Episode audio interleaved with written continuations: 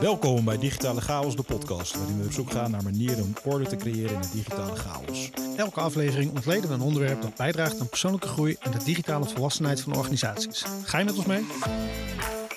Mijn naam is Christian Slierendrecht, ondernemer, auteur en marketingstratege. En mijn naam is Jasper Giepsma, ondernemer, UX-stratege en business designer. We moeten dit toch beter voorbereiden. Ja, dan ja, dit soort over gaan dingen, hebben. ja, ja, ja, ja. Het was ook in, in eerste instantie ook best wel chaotisch. Ja, eigenlijk wel. Het is nog steeds een beetje chaotisch. we zoeken nog steeds een beetje naar wat nou, wat nou precies eh, eh, de, de, de, de rode lijn is in het hele verhaal. Maar goed, nu gingen we het hebben natuurlijk over de algoritmes. Ja. Even terug. Even terug naar het algoritme. Terug naar het algoritme. Ja.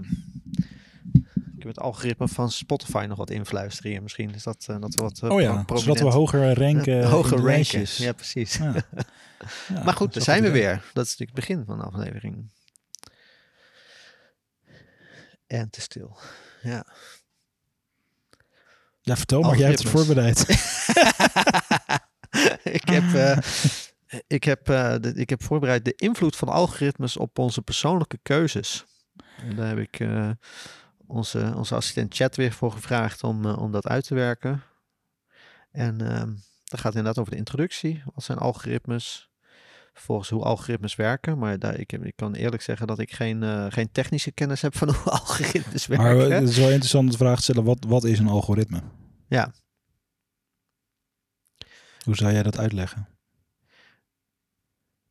Ja, dat vind ik wel een goeie. Ik denk dat. ehm, ik zie een algoritme wel iets, als iets anders dan een AI, zeg maar. Dus dat is voor mij wel een, een. Want ik denk dat een AI meer een verzameling van algoritmes is. In mijn beperkte kennis. Maar een algoritme zie ik vooral als een soort van formule met variabelen.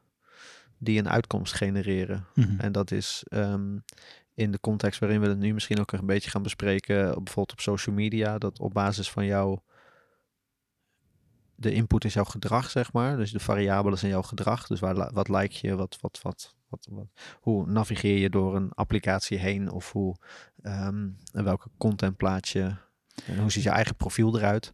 En op basis van die input maakt hij een output als zijnde van nou, dan vind je vast deze content interessant of dan vind je vast deze dingen interessant. Ja, dus helemaal in de basis van, ik moet even denken aan eh, if, if this then that. Weet Ja. je, had je op een gegeven moment zo'n toertje van dat je zelf kan aangeven van oké, als ik dit doe, dan gebeurt er dat. Of als ik een mailtje stuur, dan wordt het gepubliceerd op Twitter of zo.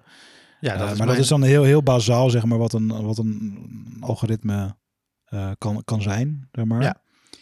Ehm, ja, die is waarschijnlijk al veel complexer als je het hebt over algoritmes die eh, door social media worden gebruikt. Of door... Ja, maar ja, kijk, ja, tuurlijk, kijk, kijk een algoritme.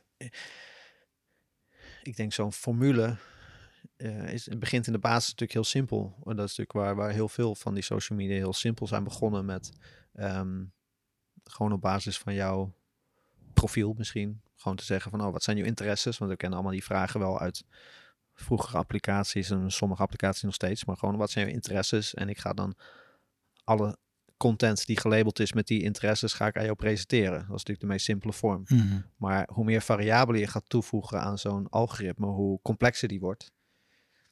Ehm, met dan de veronderstelling hoe persoonlijker die dan wordt voor jou. Ja, en je kan het ook eh, volgens mij zien als een soort bibliotheek die steeds meer, eh, waar steeds meer boeken in komen. Zeg maar, Ja. je krijgt steeds meer inzicht van oké, deze persoon heeft eh, interesse X, Y en Z.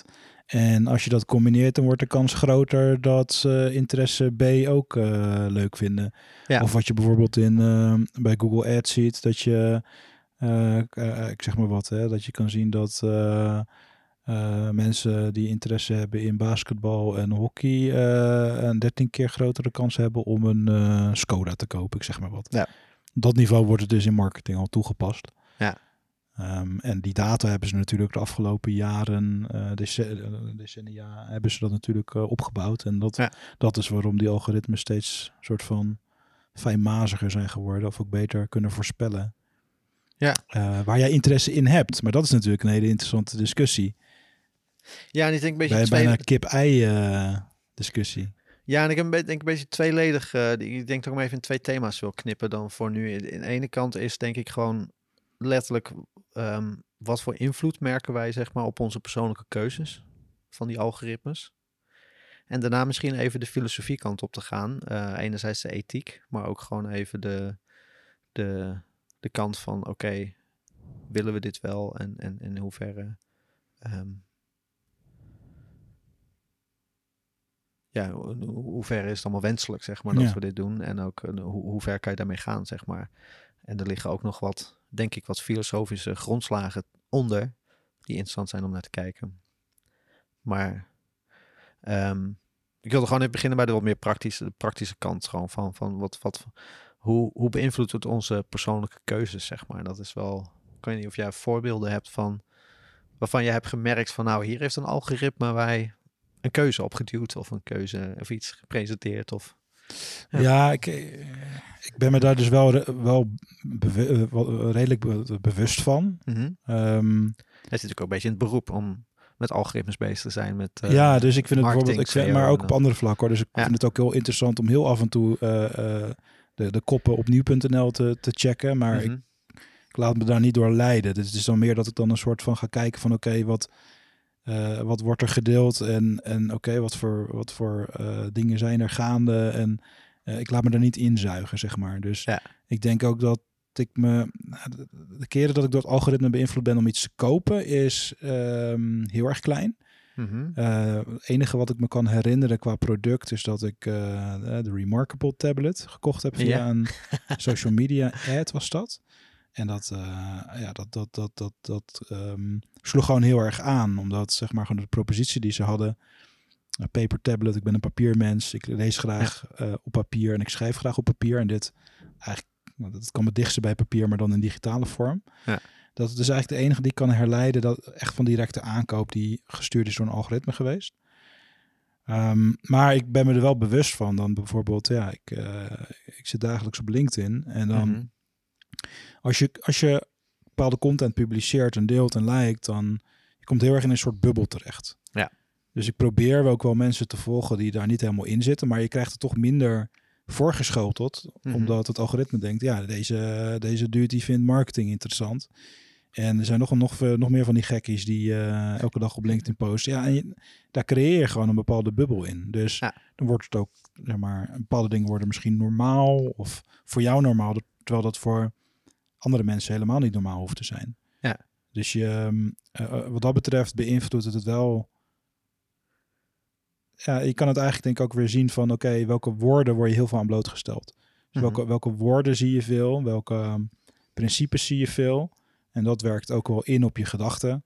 Ja. Dus hoe je over dingen nadenkt. Hè, ik denk Mhm. nu bijvoorbeeld heel anders over een aantal dingen na dan een jaar geleden, maar ook in positieve zin. Hè? Ook als je het hebt over imposter syndrome en zo. Ja. Ehm, maar ik, dat heeft wel invloed, ja. Ja, ik vind het interessant inderdaad. Ik, ik, ik zit zelf ook wel veel op, eh zal ik eerlijk bekennen, op Instagram en dat soort dingen. En ik heb eh, twee, drie maanden terug, werd er ook echt, werd ik perfect getarget rondom een artiest, eh, een piano, pianoartiest, die ik eigenlijk al een paar jaar volg. Maar die is, dat een Amerikaanse pianist die in Nederland of in Europa eigenlijk niet zo, niet zo populair is of niet zo groot is. En ehm, die is een paar weken terug in Nederland geweest voor concerten. En ik werd getarget daarop van, van oh, eh, Chad Lawson, is dan de, de pianist, die komt naar Nederland. Klik je dan op een ad of ga je dan... eh, ik, ben, ik heb daar echt letterlijk op de ad geklikt. Ja. Ja. ja. en dat was wel de, de eerste keer dat ik zoiets had van, oké, hier had hij me beet. Hier hebben ze me. Hier hebben ze me. Ja. Eh, over het algemeen ben ik altijd heel bewust van het algoritme en ben ik heel recalcitrant, zeg maar. Dus ik, kan heel ik erg krijg ik. Ik hou van specialty koffie bijvoorbeeld. En ik word heel veel getarget met allerlei koffieadvertenties en zo. En inmiddels herken ik, herken ik eigenlijk alle koffiemerken die adverteren Ja, op Instagram wel zo'n beetje. Ze Ze is toch een doel bereikt. zijn top of mind. Ik heb van een paar, moet ik ook wel weer bekennen, uiteindelijk wel eens wat besteld. Maar eh, ik ben dan wel zo eigenwijs. Horen jullie mensen, advertising werkt. Eh, ja, heel, ik, ik, ik kan me er echt een beetje irriteren aan mezelf. Dat ik dan. Weet je, ik, ik heel bewust wil ik de advertenties daar niet. eh, ik wil niet op de advertenties klikken op dat soort momenten. Maar bij een paar heb ik toch later de naam onthouden en de website opgezocht. Ja. En dan expres buiten de advertenties om eh, daar naartoe gegaan. Ik, ik betrap mezelf daar ook wel eens bij, zelfs nog in Google hoor. Van eh, het liefst Ja. scroll ik door naar organisch resultaat. Ja. Maar soms heb je gewoon, dan is de reflex gewoon, ja, dit is gewoon daar staat goed voorgeschoten Ja. toevallig een ad. Ja. Dus Ja. dan wordt er ook heel veel branded verkeer gewoon afgevangen door ads. Maar dat ik, ik, ehm, ik ben wel een beetje eh, algoritme moe of algoritme recalcitrant in dat opzicht. Ik bijvoorbeeld op LinkedIn, ik vind het echt verschrikkelijk dat ik de tijdlijn niet, kan, niet permanent kan zetten op eh, meest recent. Dat hij altijd staat op geoptimaliseerd en dat je hem handmatig moet omzetten naar meest recent en dat hij daar niet op blijft staan. Mhm. Dat is voor mij echt een frustratie. Toevallig werd ik van, ik werd van de week getagd door iemand eh, op een post waar een poll stond. voor mij was het van Marketing Facts trouwens, of iets in die richting. Over wat is jouw grootste UX-frustratie. en er stonden natuurlijk dingen in over pop-ups en, eh, en dat soort dingen. Maar ik was net te laat om de, om de poll in te vullen. Dus ik had in de reacties gezet van mijn grootste UX-frustratie is algoritmes die mij vertellen wat ik moet doen. Of die mij vertellen wat ik leuk vind. Ik ben, eh, ik ben- ik heb, ik, ja, Misschien ben ik ook ondernemer om die reden. Ik hou er niet zo van als mensen mij gaan vertellen van dit moet je doen. Maar ehm, eh, ehm, eh, ja, dus ik, ik ben altijd heel bewust van die algoritmes en, die, en vooral de advertenties die dan voorgeschoteld worden. Ehm, eh, maar ja, soms trap ik er ook wel in. Maar ik vind, waar, waar ik wel echt eh, moeite mee heb, is, is de, de, de, de filterfuik waar je in terechtkomt. En daar Ja. heb ik al wat, wat, wat, wat opmerkingen over gemaakt. Of, of ehm, ehm, verschillende. Bijvoorbeeld, voor mij heeft Arjen Lubach er ook een hele mooie, mooie aflevering over gemaakt. Fabeltjesfuik. Het Fabeltjesfuik, ja, dat is die, zijn aflevering. Maar dat, dat, dat is wel interessant. Ik heb dat zelf eens uitgetest met, eh, met, met YouTube bijvoorbeeld. Dat je met eh, gewoon in een, eh, in een andere browser dan normaal, zeg maar, zonder een inlog toe te passen op je browser. En weet ik dan allemaal gewoon eens naar YouTube Het is gewoon gaat. cook- cookie-based dan.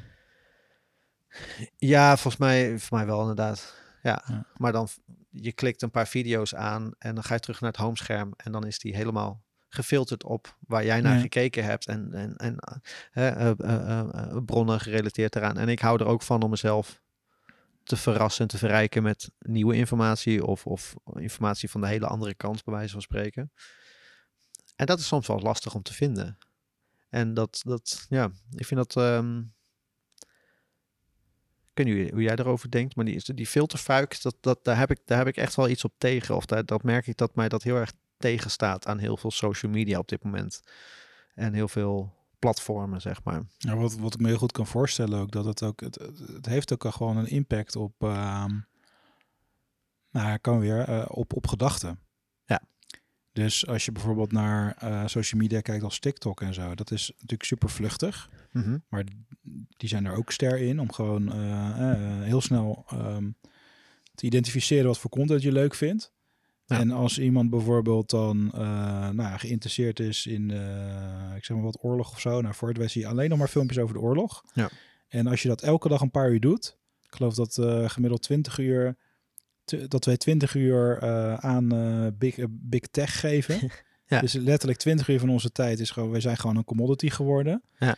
En als je 20 uur van je, van je week daarin stopt, ja, dan doet dat wel iets met je gedachten. Dus dan, Mhm. dan wordt jouw wereldbeeld misschien wel echt gekleurd. En dan, als je alleen nog maar oorlog ziet, ja, dan, dan leef je bijna alsof je in een soort eh, continue eh, staat van angst zit. Of Mhm. dat gaat iets doen met je gedachten. En dat, dat gaat Ja. weer iets doen met hoe je naar de wereld kijkt. Ja. En dat kan bijvoorbeeld als, ja, als je dan helemaal gedomineerd bent door, door dat angstspectrum, dan ehm, blokkeert dat waarschijnlijk ook, ehm, ik zeg maar wat, persoonlijke ontwikkeling, eh, Mhm. groei of misschien de mate waarin je eh, zelfvertrouwen ontwikkelt.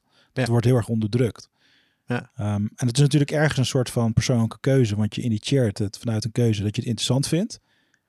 Dus dan kan, zou je kunnen zeggen, ja, dat, dat heb je zelf getriggerd, maar tegelijkertijd, het is geoptimaliseerd voor, voor views en voor kliks en voor, Ja, ja. eh, voor omzet. Dus je wordt wel een soort van gedecimeerd tot een, eh, tot een cash machine.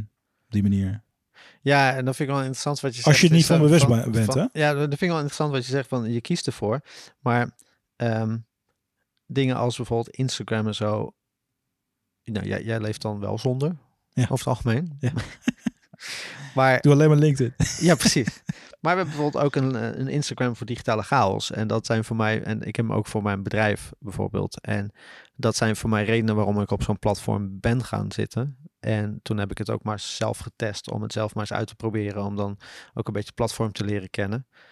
En dan zit je wel een beetje al in, op dat platform. Ik, ik, ik zit er omdat kijk, bijvoorbeeld, ik heb nu een Facebook pagina nog steeds. Omdat ik voor een zakelijke Instagram moest je nog steeds een Facebook pagina hebben, een zakelijke Facebook pagina. Anders had ik al lang van Facebook afgewild, zeg maar. Toch zit ik daar nog op. Ik, ik, ik kijk nauwelijks meer op Facebook. Dat is voor mij echt iets eh, prehistorisch inmiddels eh, geworden. Boomers. Maar ik zit wel gezogen in dat Instagram eh, ehm, ehm, eh, eh, eh, systeem. Ehm, maar de.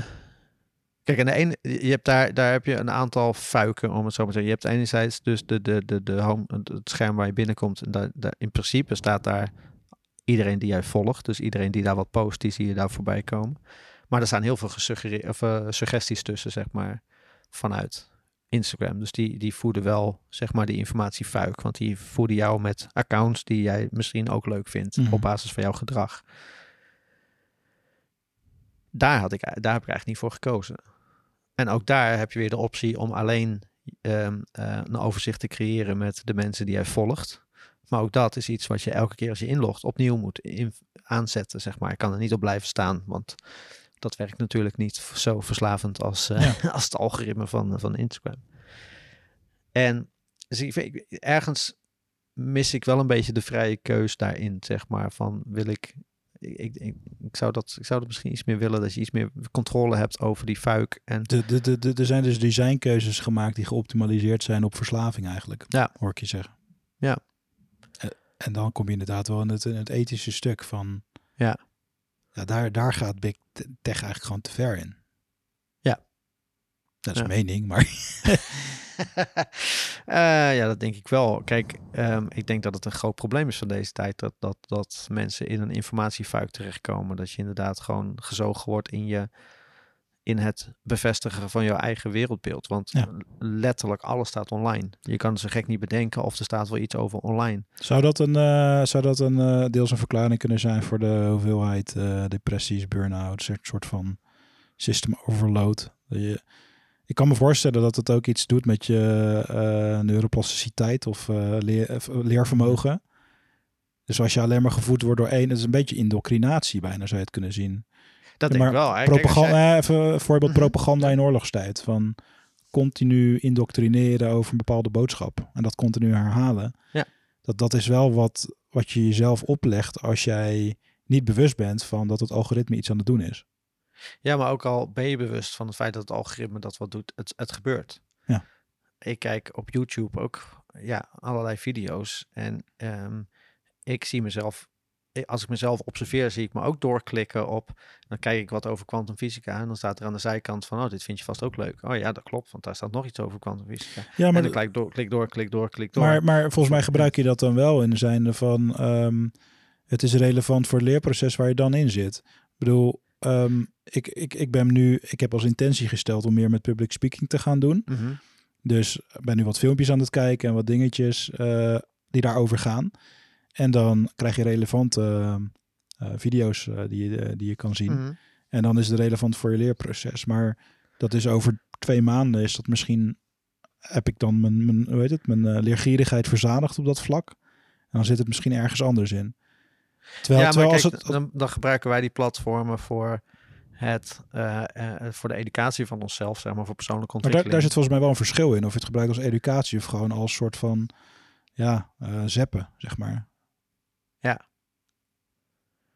Ja, maar ook, ook bij, bij je public speaking. Kijk, jij komt ook in een fuik terecht van jij liked één of twee accounts, of jij bekijkt één of twee accounts. En misschien is er wel een derde waar jij het bestaan niet van weet. Ja. Die nog veel beter is. Of die misschien exact de juiste informatie voor jou aanbiedt. Maar doordat jij de keuzes maakt en het algoritme jou de keuzes biedt, kom je dat derde account misschien nooit tegen. Ja, en dan is de vraag hoe zou je dat wel, hoe zou je de kans kunnen vergroten om die wel tegen te komen? Ja. Maar dat zou dan alsnog vanuit een a- algoritme moeten, Je moeten je- poweren. ja. Dus er zou een soort van meer randomness in, in kunnen gooien met meer afwijkende, ja, toevallig. ik had- afwijkende content bijvoorbeeld, dat van afwijkende creators. Ik had van de week met iemand over, zeker op YouTube, dat je af en toe een soort van random knop heel erg fijn zou zijn. Dat je Ja. gewoon kan zeggen van of ehm, ehm, reset mijn algoritme, zeg maar. Dat, dat zo'n soort knop zou best wel prettig zijn. Ja, ik denk, ik denk, maar ik denk ook dat het heel erg goed is, ook eh, gewoon op elk social media kanaal, ehm, om gewoon bewust mensen te volgen die gewoon totaal tegenovergestelde mening hebben Ja. van jezelf. Ja. Want dan zie je af en toe gewoon een, ander, ehm, Mhm. een andere invalshoek. Ja. Alleen dan nog is waarschijnlijk het deel van de mensen die je volgt, eh dus meer overlap met, met je eigen denkbeelden en je eigen wereldbeelden. Waardoor die snel de overhand krijgen en dan die, die paar andere accounts al snel niet meer getoond worden. Dat Mhm. Ja, maar er ook. Dat, dat vraagt een soort van eh, openheid ook voor jezelf om te gaan zoeken naar accounts die het tegendeel bespreken. Of, eh, Ja. ik, ik heb ook in coronatijd eh, beide kanten van het verhaal steeds opgezocht. Om te kijken van oké, maar waar komt dit dan vandaan? En, en hoe, ehm, hoe denken mensen daar dan over, over het een of het ander? En ik heb best een genuanceerde mening daaraan overgehouden. Maar ehm, niet iedereen doet dat. Niet iedereen heeft daar de motivatie voor of is daar geïnteresseerd in, zeg maar. En dat is wel natuurlijk, het, dat, dat creëert daardoor wel een gevaar met die. Het heeft misschien iets te maken met, eh, met, je, met, je, eh, met je eigen algoritme. Je eigen algoritme anders functioneert dan dat van anderen. Ja, eh, misschien wel inderdaad. Ja, je, hebt een mooi haakje gemaakt hier naar mijn, eh, naar, mijn naar, het filosofische idee wat ik even wilde opperen. Maar ik, ehm, ja, ik, ik, ik zit soms wel eens te denken over, eh, over een nieuw filosofisch systeem en o- over, filosofie überhaupt. En wat, wat dan onder een systeem liggen altijd een aantal aannames of een aantal ehm, fundamenten. En ik heb wel eens eigenlijk een van, de, een van de, een van de dingen die ik met algoritmes heb, is dat ze een soort van, eh, dat noemen ze dan causale determinisme, ehm, ehm, ehm, proberen te bevestigen, zeg maar. En dat houdt in, zeg maar, oorzaak-gevolg. Dus als ik weet hoe jouw leven eruit ziet tot en met dit moment, kan ik voorspellen waar je behoefte aan hebt. En dat is natuurlijk wat ze met algoritmes proberen te creëren, is van als ik maar genoeg van jou weet, dan kan ik precies voorspellen wat jij nodig hebt. Dus kan ik precies de juiste advertenties aanbieden aan jou op het juiste moment. Mhm. Dat is natuurlijk het idee ervan. Ehm, en een van de fundamenten in mijn filosofisch systeem is, tenminste wat, waar ik, wat ik aan het onderzoeken ben, ik zeggen, ehm, is het idee dat we dus geen vrije wil hebben. En dat we dus eigenlijk kausaal deterministisch door het leven gaan. Dat betekent dus dat alle beslissingen, alle ervaringen die wij in het verleden hebben meegemaakt, bepalen welke keuzes wij gaan maken in de toekomst. En daarbij maak ik een beetje de vergelijking met, ehm, eh, met alsof wij een soort intern algoritme hebben. Wat zich zeg maar voedt met hoe wij door het leven gaan. En dat creëert zeg maar de keuzes die je maakt. Eh, Het idee erachter komt namelijk dat, dat eh, op dit moment in de filosofie een van de belangrijkste problemen is dat we eh, vrije wil niet wetenschappelijk kunnen bewijzen, zeg maar. En dat, dat er juist heel veel wetenschappelijk bewijs is dat we geen vrije wil hebben. Dus dat we deterministisch door het leven gaan. Eh, het valt een, er is een schrijver, eh, Sam Harris, die daar ook een heel boek over, of een boekje over geschreven heeft. Heel interessant over, ja, in hoeverre we eigenlijk helemaal geen vrije wil hebben. En ehm, ja, dus ik, ik probeer nu, ik ben nu aan het onderzoeken van in hoeverre hebben wij in ons hoofd een soort algoritme wat zich gevoed heeft op alle ervaringen en alle dingen die we in het verleden hebben meegemaakt. Tegelijkertijd ben ik aan het kijken van oké, ehm, is vrije wil dan dat wij ehm, naar het verleden kunnen kijken, ehm, naar situaties die wij hebben meegemaakt en daar op een andere manier naar gaan kijken. Dus wat je bijvoorbeeld met therapie doet of met eh, Victor Frankl ken je natuurlijk ook. Hè, dat Ja. we de vrijheid hebben om zelf te bepalen hoe wij naar een situatie kijken. Dat kan natuurlijk een huidige situatie zijn, maar dat kan ook uit een van het verleden zijn. Ja. En dat we daarmee ons algoritme kunnen tweaken. Dus wa- waardoor we eigenlijk de automatische beslissingen die we in de toekomst gaan maken, kunnen beïnvloeden door de variabelen van ons algoritme ehm, te herzien of, of te, aan te passen, zeg maar. Ja. Om even een licht onderwerp aan Ja. te vliegen. Ja, nou ja, goed. Maar- de eerste, eerste, eerste ingeving is dat, dat, dat- ja, ik, denk- ik denk dat dat wel kan. Zeg maar, als we dat, Mhm. dat, dat als een soort van ehm, paradigma, paradigma nemen. Ik denk wel dat je je eigen algoritme kan beïnvloeden. En dat Ja. gaat heel, het gaat ook heel, volgens mij heel vaak om eh, ehm, vanuit een ander perspectief naar dingen kijken. En je ziet bij veel mensen die dan struggelen in, de, in het heden met problemen, dat het heel vaak is eh, terug te herleiden naar problemen die ze bijvoorbeeld vroeger of een soort Mhm. jeugdtrauma's of zo. En dat kan heel klein, dat kan heel groot zijn. Ja. Eh, dat het daar vandaan komt en als ze dan inderdaad met, met therapie of andere, andere manieren aan werken, dat, dat er opeens heel veel in de, in de, in de huidige realiteit, realiteit verandert. Ja. Ehm, ik weet niet of het alleen gedreven is vanuit je soort van. Een algoritme is natuurlijk best wel een technische representatie daarvan. Ja. Ja. Dus dat zou zeggen dat het een eh, soort van systeem alleen maar is. Mechanistisch. eh, Of ja, ehm, mechanisch eh, ding. Ja. een mechanisch systeem, ja. En Ja. dat- dat- dat- dat- moet wel geempowered, ge- gepowered worden, niet door stroom, maar door iets anders. Dus wel door iets menselijks of zo. Of noem het de ziel, of noem het iets anders. Ehm, Nou, ja, dat is wel een interessante. Ik had eh, onze assistent chat ook even gevraagd van eh, ehm, eh, in hoeverre kun je het brein of het, het menselijke brein vergelijken met een algoritme? ja. En ehm, zijn, zijn antwoord was eigenlijk hoewel AI-algoritmen zijn, AI gaat hij dan wel gelijk op, maar zijn geïnspireerd op de manier waarop het menselijk brein werkt, kunnen we het niet direct vergelijken. Er zijn verschillende redenen waarom het niet opgaat. Dus zegt bijvoorbeeld, nou, je hebt bijvoorbeeld flexibiliteit en creativiteit als mens. Dus je kan, je kan je als mens heel snel aanpassen aan nieuwe situaties. Er staan in staat creatieve, eh, creatief te denken en nieuwe oplossingen te vinden. Ehm, terwijl een algoritme is gebaseerd op vaste regels en instructies. Ehm, we hebben emoties, een subjectiviteit.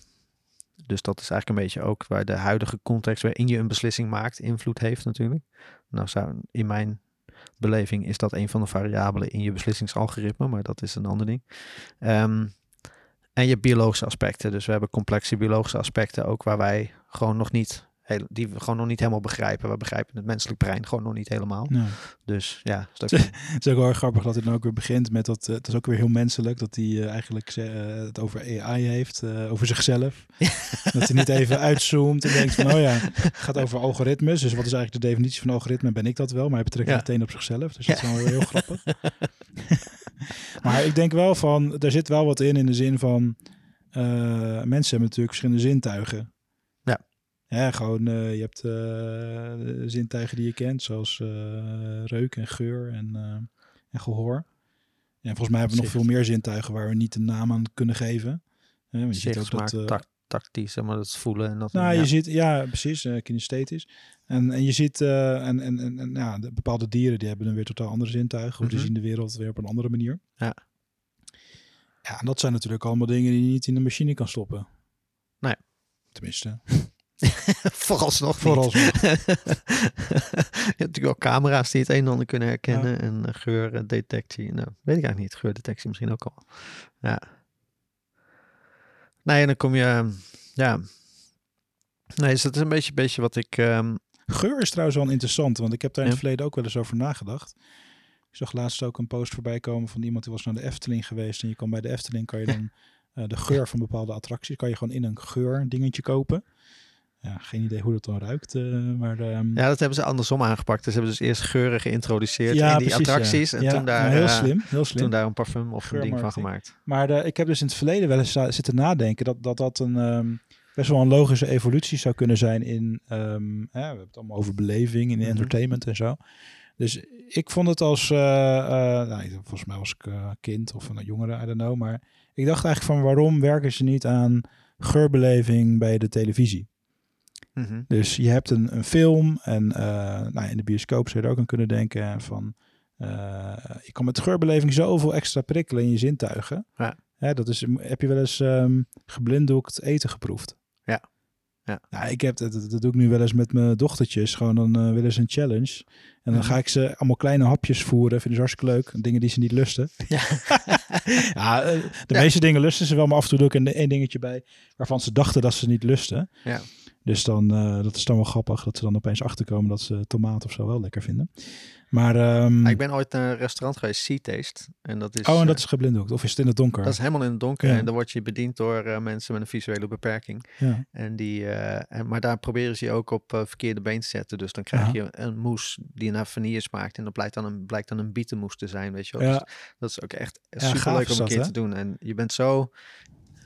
Eh, Het, het, wordt- het is gedeeltelijk om, om je te laten ervaren hoe je als blinde door het leven zou moeten gaan. Mhm. Maar het is ook gewoon letterlijk. Je, je hoort iedereen ook om je heen dezelfde discussies hebben. Van, ehm, dan ga ik even heel diep op in. Maar de, je, je gaat zitten en dan iedereen zit een beetje te voelen van waar staat mijn tafel? Sta ik tegen een muur of Ja. niet? En eh, vervolgens iedereen pakt zijn bestek. En die heeft dan echt zoiets van waarom pak ik mijn bestek? Want ik weet niet waar ik moet prikken. Ik weet niet waar ik moet snijden. Dus je moet maar met je handen eten. Iedereen heeft diezelfde discussie. Heel grappig om, eh, Ja, mee ik, te maken. Ik, ik heb een vergelijkbare ervaring. Ik heb een keer op een schrijfweekend geweest en, eh, voor, voor managementboekauteurs. En, en toen hebben we ook zo'n diner. Hadden we een diner gewoon Mhm. met meerdere gangen, geblinddoekt. Ah ja. En dat iedereen ook ging zeg maar, omschrijven vanuit die, eh, vanuit die smaak. En vanuit van geur en smaak van Ja. eh, eh, ja, wat voor, ja, hoe dat op je overkwam. En dat, dat, dat, dat, je gebruikt dus daardoor je zintuigen op een andere manier. Maar ja, als je dat zou combineren met bijvoorbeeld eh, tv of, of, of, of, eh, de bios of whatever, eh, het zou je beleving veel meer versterken. Dus het, ik, ik, ik, Ja. ja. ik, ik, ik was gewoon een beetje verbaasd. Dat ik dacht, waarom, ja, waarom is dat nog niet... eh waarom geuren- gebruiken ze, het gebruiken ze natuurlijk wel bij de IKEA en zo. In Geuren zijn heel maar- complex om samen te stellen, denk ik. Als je een soort van eh geuren, geuren, hartstikke. geurenprinter Ja, maar het is een soort van geurenprint, een soort van Ja. 3D-printing, Ja. maar dan met geuren. Ja, lastig. Het zou, eh, ja goed, eh, mochten jullie ermee aan de slag willen, als jullie dit horen, de, de royalties die kunnen naar, eh, hoe heet onze petje af-account? Oh, we hebben een petje chaos. af-account. Ja, ja. Ja, de, oh, de, wou, wou dat nog even erin gooien? Dat is misschien wel een goeie. We hebben inderdaad ehm, nu tegenwoordig een manier om onze eh, podcast te steunen. Eh, we hebben natuurlijk eh, het een en ander aan materiaal staan, wat op een gegeven moment vervangen moet worden. En we willen eigenlijk in het nieuwe seizoen ook met video aan de slag. Wat spullen voor nodig hebben. En af en toe natuurlijk leuke interviews doen op locatie. We hebben gemerkt dat de digitale varianten soms wel eens uitdagend kunnen zijn. En ehm, je kan ons steunen via het platform Petje Af. En voor mij is het petje.af slash digitale chaos. Als ik het even goed heb. Petje, petje punt af of petje, petjeaf.nl? Nee, het is voor mij petje.af. Oh, oh, dat is wel een leuke extensie dan. Ja. Ik ga hem wel even checken zo voor de zekerheid. Niet dat we straks ineens eh, allemaal mensen naar verkeerde domeinen sturen. maar ehm, nee, daarmee kun je ons steunen. En dat kan met een eenmalige donatie of je kan het doen met een, eh, met een, eh, een terugkerende donatie. Maar mocht je je geroepen voelen, wees welkom. Het is inderdaad petje.af slash digitale chaos. Geen Nice. .nl. Dus ehm, ja, dat even tussendoor. Maar eh, ik, eh, je triggert net wel even iets anders bij mij, want ik heb, ik heb me een keer, ik heb een keer gedineerd me door middel van een algoritme. Oh ja. Ehm, ja, voor mij is het officieel een AI, maar de, je hebt de AI van eh, IBM. Die heet, heeft een naam, hoe heet die ook weer? Die is er al heel wat jaartjes. Watson. Hm. Watson.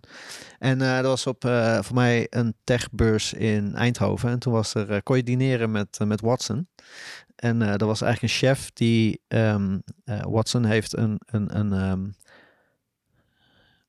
eigenlijk een machine learning kopie die zich helemaal gericht heeft op, ehm, op koken en eh, geur, smaak en beleving zeg maar van, van en, en het maken van, van nieuwe recepten. En die heeft toen recepten eh, geopperd en er was een hele begeleiding bij, weet ik het allemaal. Maar had je dus bijvoorbeeld, eh, het begon met een soort proefpaletje. En dan had je, kreeg je een bord voor je met drie, eh, drie ingrediënten die je dan in combinatie met elkaar moest eten. Die samengesteld waren door Watson. Die volgens de smaakprofielen bij elkaar zouden moeten passen. Oh ja. Dus dat was bijvoorbeeld rauwe bloemkool met, ehm, eh, eh, met chocola. gecombineerd met eh, een gedroogde variant van, eh, van ei, eigeel. En, hoe smaakte dat? Echt lekker. Ja? Echt bizar. Oh, bizar. Ja, dus als je chocoladefontein hebt, rauwe bloemkool, kan er prima in. Ja, het is heel apart. Maar je had een paar, een paar van dat soort gekke combinaties waarvan ze zeiden van nou, dat hebben we dus laten genereren door een, eh, door een, door een AI. En er was dus ook een soep daarna. Met ook wat, eh voor mij een tomatensoep met wat specifieke kruiden of, of mix, weet ik wat. Maar daar zag je dus ook de beperking van die AI. Want ze zeiden van ja, ehm, eh, het was een bruinige soep. En een beetje, eh, het had een beetje een, een, een, het zag er gewoon een beetje vies uit. Maar een AI interesseert natuurlijk in dat opzicht niet Nee. wat, hoe het eruit ziet. Het gaat op- dat moment van welke smaakprofielen Ja. zouden bij elkaar moeten passen en wat zou moeten matchen. En de smaak was goed, alleen het zag er niet zo goed uit. En dat triggerde weer wat anders bij mij. Want een, ehm, je hebt in Engeland een sterrenrestaurant, de, de Fat Duck heet dat geloof ik, de Fat Fat Duck, ja. En die, ehm, die heeft dus ook geëxperimenteerd. Dat is voor mij een, eh, een, eh, een, ehm, neurowetenschapper of een, of een psycholoog of. Die is daar eh, gedragswetenschapper, is daarbij actief. Die daar onderzoek doet naar ook wat doen je zintuigen met voeding. Dus die hebben op een gegeven moment ook geëxperimenteerd met ehm frambozenijs. Een bolletje frambozenijs, exact hetzelfde ijs, op een wit bord of op een zwart bord. En die op het zwarte bord werd zoeter ervaren. Ik kan me wel iets bij voorstellen. Ja. En dat is dus ook, dan vind ik het interessant als je geblinddoekt een diner aangaat, dat je eigenlijk een zintuig uitschakelt wat Ja. invloed heeft op jouw smaak. Ja. En Eigenlijk dan schakel je een deel van je eigen algoritme uit. Ja. Hetzelfde gebeurt natuurlijk in marketing eh, ja, precies. dag in dag uit. Oh ja, we hadden het over algoritmes, hè? Ja. Ja. we dwalen af. Maar eh, ja, nee, dus dat eh, was wel interessant inderdaad. Nou, misschien een mooie, mooie tip om mee af te sluiten dan. Waar, waar zit dat restaurant waar je hebt gedineerd? Die, eh, maar met, die, met Of, dat, eh, met dat ei. benoemd? Ja. Ja, de ei was op een evenement. Dus dat is volgens mij geen, eh, geen Ah, vast restaurant. En de andere is een sterrenrestaurant in, in, in, in, ehm, in Engeland. Ik weet niet of die nog bestaat. De vet, de vet En je had er eentje, eentje waar je Ja, Sea Taste. Maar dat weet ik, dat is ook alweer heel wat jaartjes terug. Dus ik weet niet of dat nog bestaat. Dat Dat nog was toen, ja, was toen in Amsterdam. Amsterdam-Oost toevallig, langs de Amstel. Vlak bij de Amstel. Daar heb ik er, daar heb ik er wel een keertje eentje gezien. Dat zou kunnen. Even kijken of, of die nog bestaat. De Sea Taste. Volgens mij wel, ja. Ik ga gewoon even marketing maken, want ik vind het heel leuk. Eh Amstel, Ja. Amsteldijk, Ja, precies. 55 in Ja, Amsterdam. Sea. Taste. Ja, gratis promotie. Echt de moeite waard om een keer te doen. Nou kijk, maar dan eh, bij deze ben je dus niet eh, beïnvloed door een algoritme, maar nog niet, maar gewoon door iemand die achter de microfoon zit. Precies. Dus mochten mensen daar gaan eten eh, nadat ze dit gehoord hebben, ja, Wil je- gewoon eh, een vrije keus. Wil je niet beïnvloed worden door een algoritme? Luister naar onze podcast. Dat, misschien is dat wel eens... eh, luister naar onze chaotische gesprekken en, eh, en, en doe, doe ideeën op. Mooi Ja. afsluiten. Thanks voor deze. Ja, je ook bedankt. Yo, yo. Later.